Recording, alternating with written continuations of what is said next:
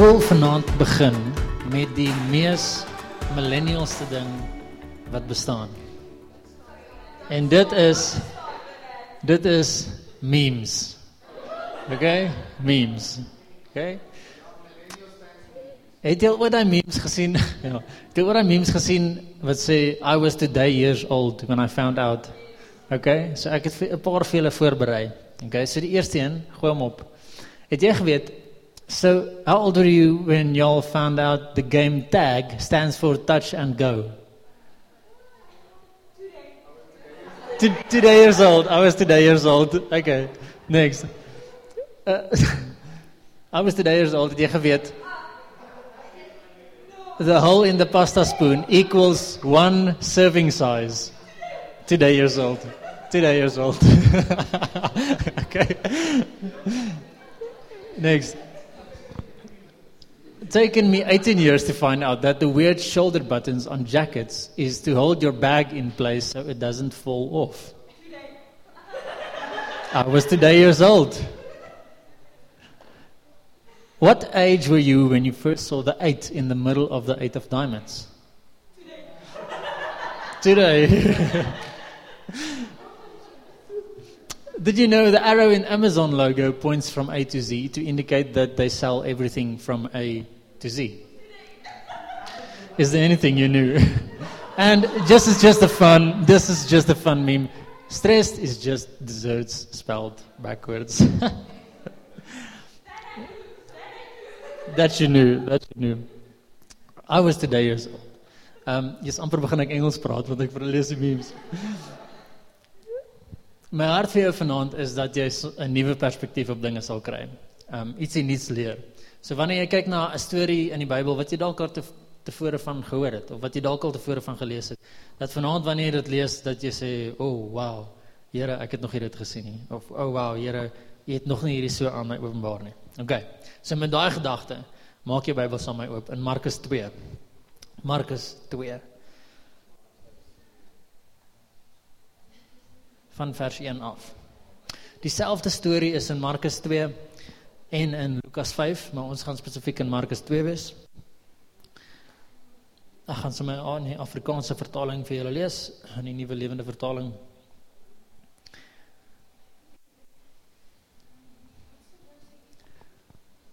Markus 2 van vers 1 af. Dit sê die volgende. Dit vertel 'n storie. Toe Jesus, toe Jesus na 'n hele aantal dae na Kapernaum terugkeer, het dit bekend geword dat hy weer by die huis is. Gou-gou was die huis so vol mense dat daar vir niemand meer plek was nie. Selfs nie voor die deur nie. Jesus was besig om die goeie nuus aan hulle te vertel. Uh, daar daag toe vier mans op wat 'n verlamde persoon op 'n mat dra. As gevolg van die baie mense kon hulle hom nie tot by Jesus kry nie. En daarom het hulle 'n gat deur die dak bo kan Jesus se kop gemaak. Toe laat hulle hulle die mat waarop die sieke gelê het deur die dak sak. Toe Jesus hulle geloof sien, sê hy vir die verlamde man: "My seun, jou sondes word vergewe." Nou hierdie is not to be confused met die bekende storie van die ou wat op die mat vlieg, Aladdin, not the same. 'n Ander storie. Leef jouself gou in hierdie storie in vir 'n oomblik, nê. Nee. Hierdie man is besig om te teach, hierdie man is besig om kerk te hou. Jy weet hulle luister na hierdie preacher, prophet. Ja, ons packed house, packed house. Next minute sit daar een ou en hy iets val op sy op sy hare en hy begin so en hy dog hier, hierdie plek is vuil. Toe hy weer sien toe opkyk te val as begin as 'n stof val.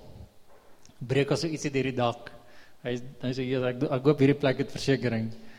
Want uh, jy gaan nou something is coming down. Soos in something's going down in this place. Next minute breek daar 'n gat deur die dak en sak vier mans, 'n ou op 'n stretcher, maatjie wat ook al hierso af en so spaak hom reg voor Jesus. Imagine the scene. Imagine the tension. Almal was is what's happening? Wat gaan Jesus doen? Wat het hierdie ouens gedink? Hoe die hel het tot bo gekom? Imagine the scene. Leef jouself in dit in vir 'n oomblik. Want hierdie ou, die verlamde, uh hy kon nie loop nie natuurlik. So hierdie ouens het hom gedra. En ek neem aan dat hy was 'n verlamme, so ek neem aan dat hy nie net op op daai maatjie gedra was nie, maar dit daai maatjie basically soos hy het op daai maatjie geleef. Uh was probably waar hy dag en nag spandeer het. En hy het gedroom probably om eendag te kan loop. Ek imagine net hoe hy in die aande lê en droom en hy sien hoe hardloop hy in groen weivelde en dan word hy wakker en dan kan hy nie beweeg nie. En hierdie ou se lewe was van kleins af wel ek ek ek, ek neem aan, ek weet nie die rede hoekom hy verlam was nie, maar ek neem aan dit's it's been a while en hierdie ou sukkel met dit en hy's probably outcast as gevolg van dit want hy kan nie regtig operate in samelewing nie. Gelukkig. Gelukkig het hy 'n paar vriende wat hom dra. En gelukkig het hy 'n paar vriende wat hom opgetel het en wat bereid was om hom deur die dag te vat en voor Jesus neer te lê. En in hierdie storie, in hierdie encounter, gaan ons vanaand 'n paar goeters uittrek, uithaal in die konteks van geloof en kultuur, faith and culture. Ons het hierdie reeks gekies en ons het vyf stories gevat, vyf interactions wat Jesus met mense gehad het. En dan kyk ons na die manier wat hy met mense interact en ons interpreteer die manier hoe hy daai culture aangespreek het. En ons maak dit vir ons, ons vat dit vir onsself en interpreteer die manier wat ons as Christene en Jesus volgelinge die kultuur, die hedendaagse kultuur moet aanspreek. En die eerste interessante ding wat vir my uitgestaan het in hierdie storie is um daai stukkie wat gesê het um Gou-gou was die huis so vol mense dat daar vir niemand meer plek was nie, selfs nie voor die deur nie. Jesus was besig om die goeie nuus te vertel en toe sê dit ja as gevolg van die baie mense, so ja, hier kom te vier mans uh, met 'n verlamde persoon op 'n mat en as gevolg van die baie mense kon hulle hom nie tot by Jesus bring nie. As gevolg van die baie mense kon hulle hom nie tot by Jesus bring nie. Dis die eerste uittreksel. En wat dit vir my sê is mense het daartoe gevlok. En uh wat gebeur het is daar was so baie mense en die plek was so packed dat hierdie ouens het daar aangekom en hulle wou na Jesus toe kom obviously en toe sien hulle al hierdie mense en ek meen eerste reaksie ek sou dalk wees soos yes guys um mis, miskien het hy tweede diens uh of soos van aandiens uh miskien het ons môre terugkom en hierdie ouens is soos nee hulle hulle wil en letterlik so obviously het hulle probeer is nie net asof hulle soos ah kom ons klim op die dak nie. Obviously het hulle probeer maar hierdie plek was so vol dat hulle letterlik nie kon by Jesus uitkom nie. Hulle kon nie. En dit sê vir my iets nie net van hulle nie, maar dit sê vir my iets van die mense wat daar was. As hulle dit belangriker geag om na Jesus te luister as wat hulle dit geag het om iemand wat in nood is uit te help om daar te kry. Soms is uh kom ek sê so, die grootste rede hoekom mense soms niks met die kerk te doen wil hê nie is ongelukkig as gevolg van die mense binne die kerk. As jy hoor wat ek sê. Ongelukkig. Ongelukkig. Ongelukkig het Christene nogal in ons kultuur 'n slegte reputasie. En iemand het dit nog so gesê, hy sê we are being we are becoming the crowd when the experience of what happens inside the house becomes greater than the needs of those outside the house. Moet ek dit weer sê? We are becoming the crowd in the house when the experience of what, what happens inside the house becomes greater than the needs of those outside the house. En ongelukkig het ons Christene 'n reputasie en ons het soms baie keer 'n insider club by die kerk. Ons is 'n bietjie van 'n klik soms. En my vraag aan jou is, hoeveel vriende het jy wat nie die Here dien nie? Dis 'n tawe een, veral vir my. Trust me. Hoeveel vriende het jy wat nie die Here dien nie?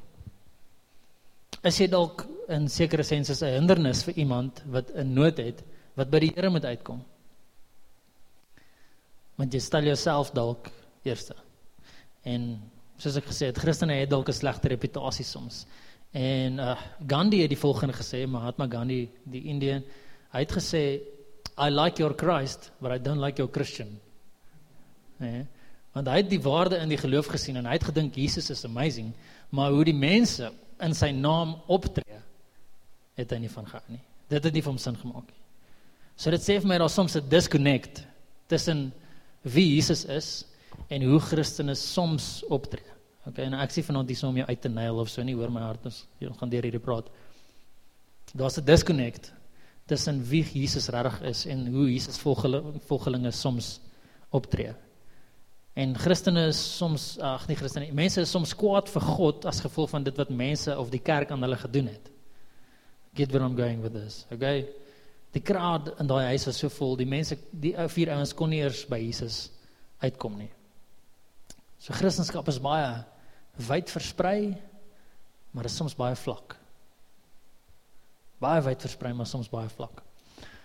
Ek sien nou reg op Facebook uh, en actually ek dink Maurice het al die ou ontmoet, hy ken hom, maar die ou se naam is is, is uh, Tristan en hy het uh, teologie geswat by Tikkies, hy's 'n gekwalifiseerde dominee. Ek dink actually hy het so sy doktorsgraad in teologie, maar hy is soos 'n renowned uh publieke satanist vandag. Hy's 'n satanist. Soos publicly, hy's soos uh sy TikTok account dink ek sy naam is the friendly satanist. En hy post heeltyd goed van weet satanisme en hy's soos soos al die kerk uit en sulke tipe goeders. Al hy's soos letterlik uit op 'n mission om hierdie goed te doen. Hoe gebeur dit dat soos 'n ou wat letterlik teologie geswat het, hy ken die Bybel so goed dat hy op so 'n plek opeindig?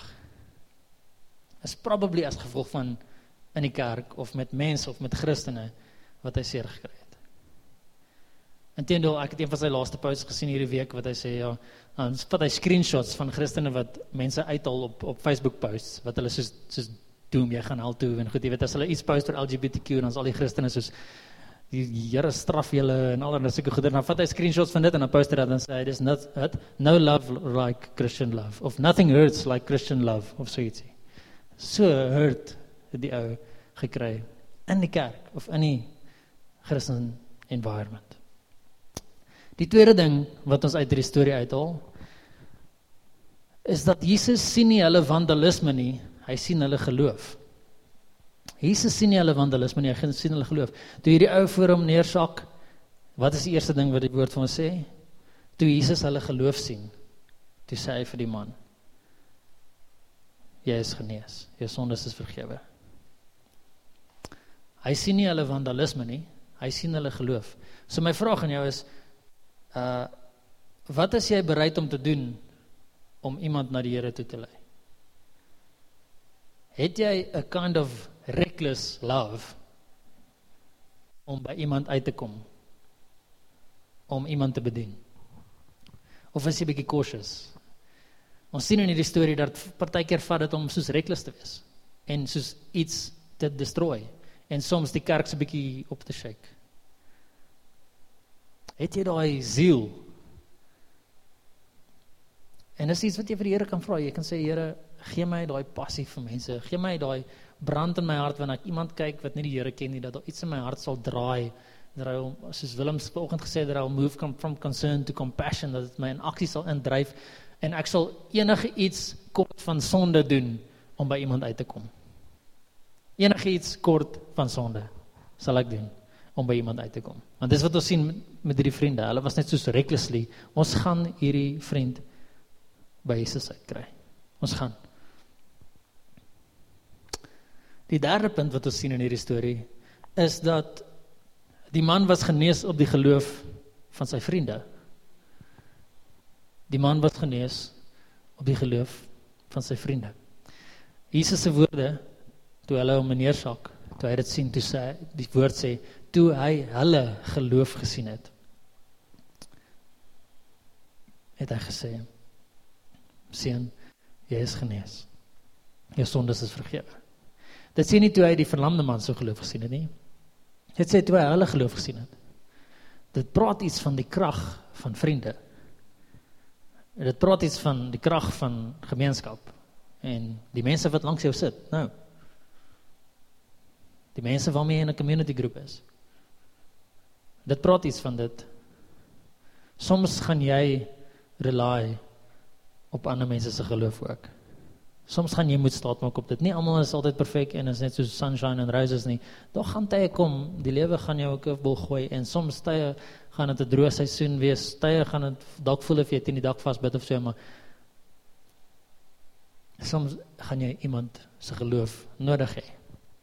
En hier is die ander kant van die koin. Soms gaan iemand jou geloof nodig hê. Is wanneer daai persoon sê byvoorbeeld deur 'n tyd gaan wat hy iemand se geloof nodig het dan vertrou die Here jou om die persoon te wees wat vir hom sê, "Hey, ek weet jy gaan dit op tyd." Maar die Here het beter vir jou beplan en dit is net tydelik. En hy wil die beste vir jou hê. En ek glo in jou. Ek sien jou. Jy sê jy doen hierdie so goed. Wel dan dat jy hierdie situasies hanteer het. Die Here rely op jou om dit te doen.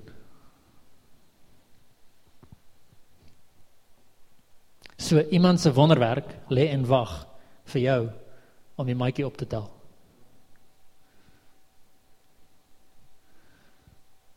Hm.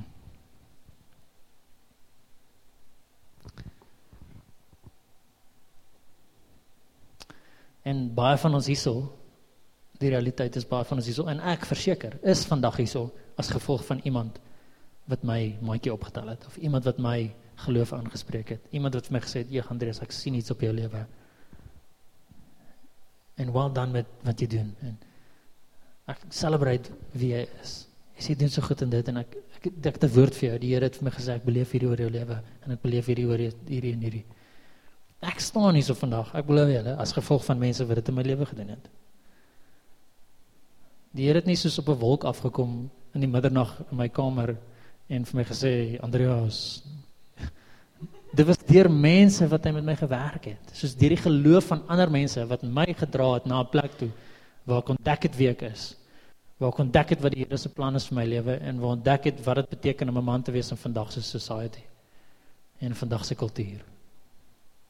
OK. Die vierde punt wat ons sien is dat Jesus spreek nie eerstens dadelik sy need aan nie. OK, imagine this. Hierdie vier ouens dra hierdie dude op by die dak. Weet ek weet nie of jy iemand by 'n dak opgedraai het nie. Ek kan nie dink dat dit maklik is nie. Hulle kom na bo. Nou is hulle bo. Nou moet hulle deur 'n dak 'n gat maak somehow. Ek weet nie of hulle hamers nog gehad het of ek weet nie uh whatever. En eventually kom hulle deur gebreek deur hierdie storie en hulle sak hierdie ou af. Imagine it. Hulle hang nog so af jy as jy onder gestaan het, het jy net seker vier gesigte gesien met sy arms wat so wat sy oor hang. En hier ou sakkie so af en Jesus sê vir hom: "My seun, jou sondes is vergewe." En ouens sê: "Uh, Jesus, het jy sy bene gesien?" Soos Hoekom spreek Jesus nie sy bene aan nie? Hoekom sê hy vir hom heel eerste dat jou sondes is vergewe. In feite voor hy dit doen, noem hy hom actually my seun. Hy spreek hom aan heel eerste. Hy sê vir my seun. Hy spreek jou aan of wie hy is. En tweedens spreek hy sy redding aan. Hy sê jou sondes is vergewe. Want Jesus weet first and foremost bo enige verlamdheid of siekte is jou grootste begeerte en behoefte is om uh redding is om gered te word. First and foremost. En ja, toe wat gebeur is, dis die die ouens wat in die kamer is van die fariseërs en goeters soos hoe kan jy sondes vergewe? Ek gaan nou nie te veel in daai volgende deel van die storie ingaan nie. Jy kan dit gelees, maar basically wat gebeur is hulle vra hom, "Hoe kan jy sondes vergewe?" Want dit is net iets wat God kon doen daai tyd en daar was klomp rituals en goeters wat jy moes deurgaan vir dit om te gebeur het.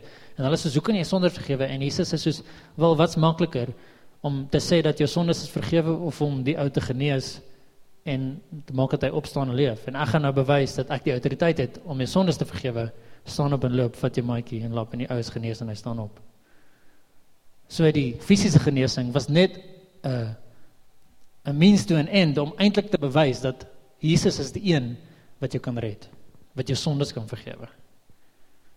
Dit is die first and foremost need. OK. Also 4 5 4 punte observasies wat ek so uit hierdie storie uithaal. En dit is sommer verniet. Jy hoef my nie te betaal hierna vir dit nie. Plesier. Ons sien dat die manier wat hierdie storie afspeel in die konteks van wat ons nou oor praat, ons reeks Faith and Culture, is dat die kultuur van vandag en ek dink ook daai tyd want ons sien dat die mense packed was en hulle wou nie eers hierdie mense inlaat nie. Die kultuur van vandag is soms baie self-centered. Jy weet alles wat jy doen, ek weet nie vir jou nie, maar gaan, as jy soos op jou foon gaan gaan nê, apps. Al die apps op jou foon is pretty much vir jou. Ander is om jouself uh fiks te kry om jouself iets te leer, om jouself connect te connect met ander mense, om jouself soos alles is gebou rondom jou as individually en alles van buite af moet net in ons hele kultuur en society is so gebou. Jy weet, ons is baie baie self-centered. Ons ontvang wat wat kan ek uit hierdie uitkry? Intendo is ons so self-centered dat ons soms vir God gebruik as 'n means to an end wat ons wil hê. Soos okay dis soos 'n heavy comment maar baie keer wat gebeur is is mense sal genesing aanbid in plaas van om God te aanbid. En God word eintlik net 'n mens of mense sal God aanbid net om uit die hel uit te bly. En dan wat gebeur is God word eintlik net 'n mens toe 'n end vir hulle gemaak. As jy hoor wat ek sê. Ons is ons culture vandag is so so self-centered en dit lyk vir my dat dit daai tyd ook so was want die mense was so in die huis en hulle het nie eens kans gegee vir hierdie ou om in te kom nie Hulle het nie eens kans gegee om dis 'n bietjie plek te maak vir iemand om deur te druk nie. Ewenal het hulle die ou se verlamdheid gesien. Die vier mans was die enigste ouens wat bereid was om hulle eie gemaksone neer te lê om hulle eie sonndagmiddagslaapie op te gee. Dis probably besondig hierdie. Nee, ek check die woord sê nie dit nie, maar hulle was bereid om te sê, "Kerels, hierdie vriend van ons He's struggling. Hy kan nie so aangaan nie. Ons het gehoor van hierdie ou, daar's 'n kans dat hy hom dalk kan genees. Let's do this. Kom ons sit die werk in. Kom ons sit die werk in. En ek dink op die einde van die dag ek wonder of dit nie waar is dat hulle altyd meer of dalk nie meer nie, maar dat hulle ook verseker iets daaruit gekry het om hulle Sondagmiddag op te gee om hierdie ou te dra en te sien hoe word hy genees. Want soos die woord sê, Paulus skryf in Handelinge en hy quote actually vir Jesus. It is better to give than to receive.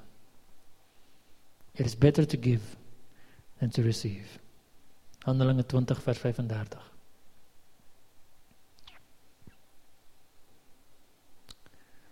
Hoor hier die volgende skrifvers in Lukas 22 vers 24 tot 28. Gaan dit in Engels vir julle lees. Dit the disciples bickered over which one of them would be considered the greatest in the kingdom. And Jesus interrupted their argument. Jo. Ek het nog nie 'n ander plek raak gelees wat Jesus letterlik iemand interrupt nie. Dit moes seker ernstig wees. En Jesus sê die volgende, hy sê the kings and men of authority in this world rule oppressively over their subjects, claiming that they do it for the good of the people. They are obsessed with how others see them. Is dit nie bietjie van ons kultuur vandag nie? Hierdie disippels is besig om te dispute. Hulle sê wie is regtig, weet, wie is the man? Wie gaan eendag in die hemel kom en die Here gaan vir hom sê, "Well done." En Jesus sê ja, in hierdie wêreld is daar mense wat net uit is vir hulle self. They are obsessed with how others see them. Obsessed. Kyk, Instagram is great, maar dit kan baie keer dit ook wees. Soos jy soos obsessed oor hoe mense na jou kyk of wat hulle van jou dink of en die ironie is even in 'n culture waar soos ons almal Christene is of hier is die kerk of even soos by 'n community group, weet jy is supposed om te weet dat die mense hierso sal jou aanvaar net soos wat jy is. Jy hoef nie 'n 'n gesig op te sit nie, jy hoef nie te perform nie. Hierdie mense is supposed om jou lief te hê nog steeds, soos sal ons probeer om soos weet te maak asof ons iemand is of een of 'n show op te sit of musiekversies mooi te gaan leer sodat hulle dink ons ken werklik die Here en ons ons ons sit hierdie show waar Jesus sê instead of being obsessed with how others see them I said if on a but this is not your calling. This is not your calling. You will lead by a different model the greatest one among you will live as one called to serve others without honor. The greatest honor and authority is reserved for the one who has a servant heart. The leaders who are served are the most important in your eyes, but in the kingdom, it is the servants who lead. Dis wie hulle self opgee. Dis hierdie vier ouens wat bereid was om hierdie uit te dra ten spyte van dalk daai ou dag nog die vorige vorige dag het hy arms gedoen en hy styf maar hy het hierdie ou gedra. Hulle was bereid om te serve. Hulle was bereid om te dien. En in ons culture vandag dis waar die tekkie nou die teer tref. Is ons sien in hierdie storie dat ons mense in ons culture wat baie self-centered is. Maar ons ons Jesus people ons moet geken wees as mense wat dien. Ons moet geken wees as mense wat die deure oop swaai vir iemand wat in nood is.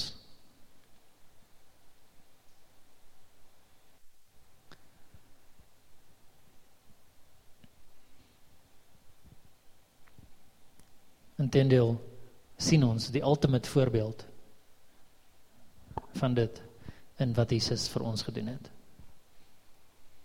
As hy sy lewe opgegee. Die skrif sê the greater love has no one than he who would lay down his life for his friends. Sy lewe letterlik opgegee tot die dood toe vir jou. En hy stel die bar daarso en hy sê hier's wat jy moet doen. To be the greatest to be honored. Serve. Serve. En nou soos ek dit vir jou nou sê dit klink ja ek gaan dit doen. Easier said than done. Dis nie maklik nie. Môre weer by die werk. En ons is irriterend. Hulle verstaan nie. Hulle dink nie soos ons dink nie. En dan moet jy nou hulle hanteer met die opposite spirit. En jy moet serve. Al sien niemand dit raak nie. Dis nie maklik nie. But this is what you're called for om die kultuur so aan te spreek. So my vraag aan jou vandag is wie in jou lewe is die verlamde persoon op sy mat? Wie in jou lewe? Wie is in jou lewe wat 'n verlamde persoon op 'n mat is? Wat so in sy sonde is dalk dat hy dit nie eens weet nie dat hy nodig het vir iemand om hom te dra. Wat dalk moet rely op jou geloof. sodat die Here by hom kan uitkom. Dis my eerste vraag, wie's dit? Identifiseer daai persoon in jou lewe. En tweedens, wat is in die pad? Wat is in die pad?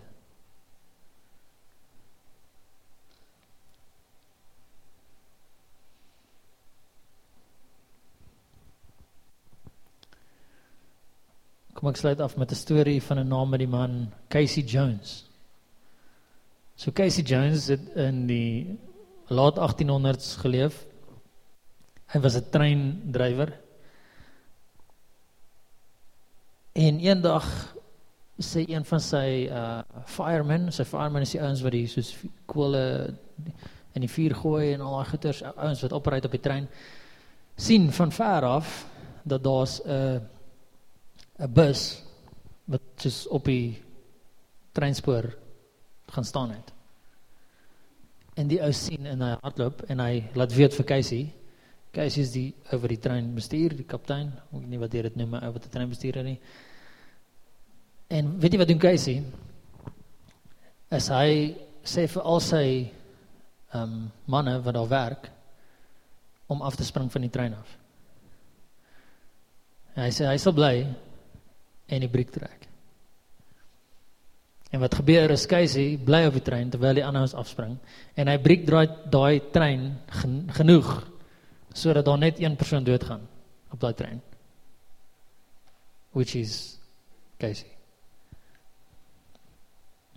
En dit het gebeur op 30 April 1900. Simpel storie. Om te illustreer dat we are called to give up our lives om 'n culture aan te spreek. It's going to take you giving up your life om 'n culture aan te spreek. It's going to take you putting yourself at the end. Dit gaan vat dat jy ander mense voor jouself sit. Dit gaan vat dat jy die persepsie wat mense van kerk mense het swaai nie in om hulle te oortuig nie.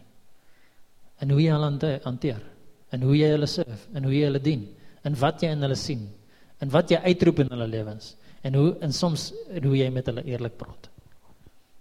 Dit gaan vat dat jy dit doen en dit gaan vat dat jy dien. Kom ons lê die oor saam. Here ons erken uh die kruisdood en ons sien hoe u u lewe opgegee het vir ons. Ons sien hoe u u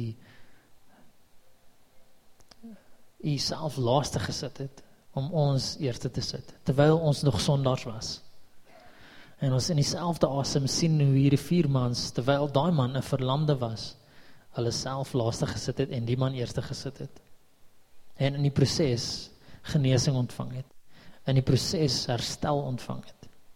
En ons weet Here dat wanneer ons onsself laaste plaas sal dit gebeur in ons lewens en nie net in ons lewens nie maar in mense om ons se lewens en die return op ons lewens sal ewen nog groter wees. So ons vertrou U. Ons vertrou U vir die krag wat U ons gaan gee om op te staan wanneer ons moet opstaan. Ons vertrou U vir die krag wat U ons gaan gee om te dien wanneer dit moeilik is en om stil te bly en om die harde werk in te sit wanneer niemand dit sien nie. Ons vertrou U vir daai krag en tweedens vertrou ons U vir die saad wat geplant word deur daai aksies dat dit sal groei en vrug dra in ons samelewing. That it will build up righteous men and women. Dat dit 'n samelewing sal bou wat operate op die principles. Dit is ons gebed. Dat ons geloof 'n kultuur van mense sal aanspreek en sal verander in die naam van Jesus. Amen. Amen.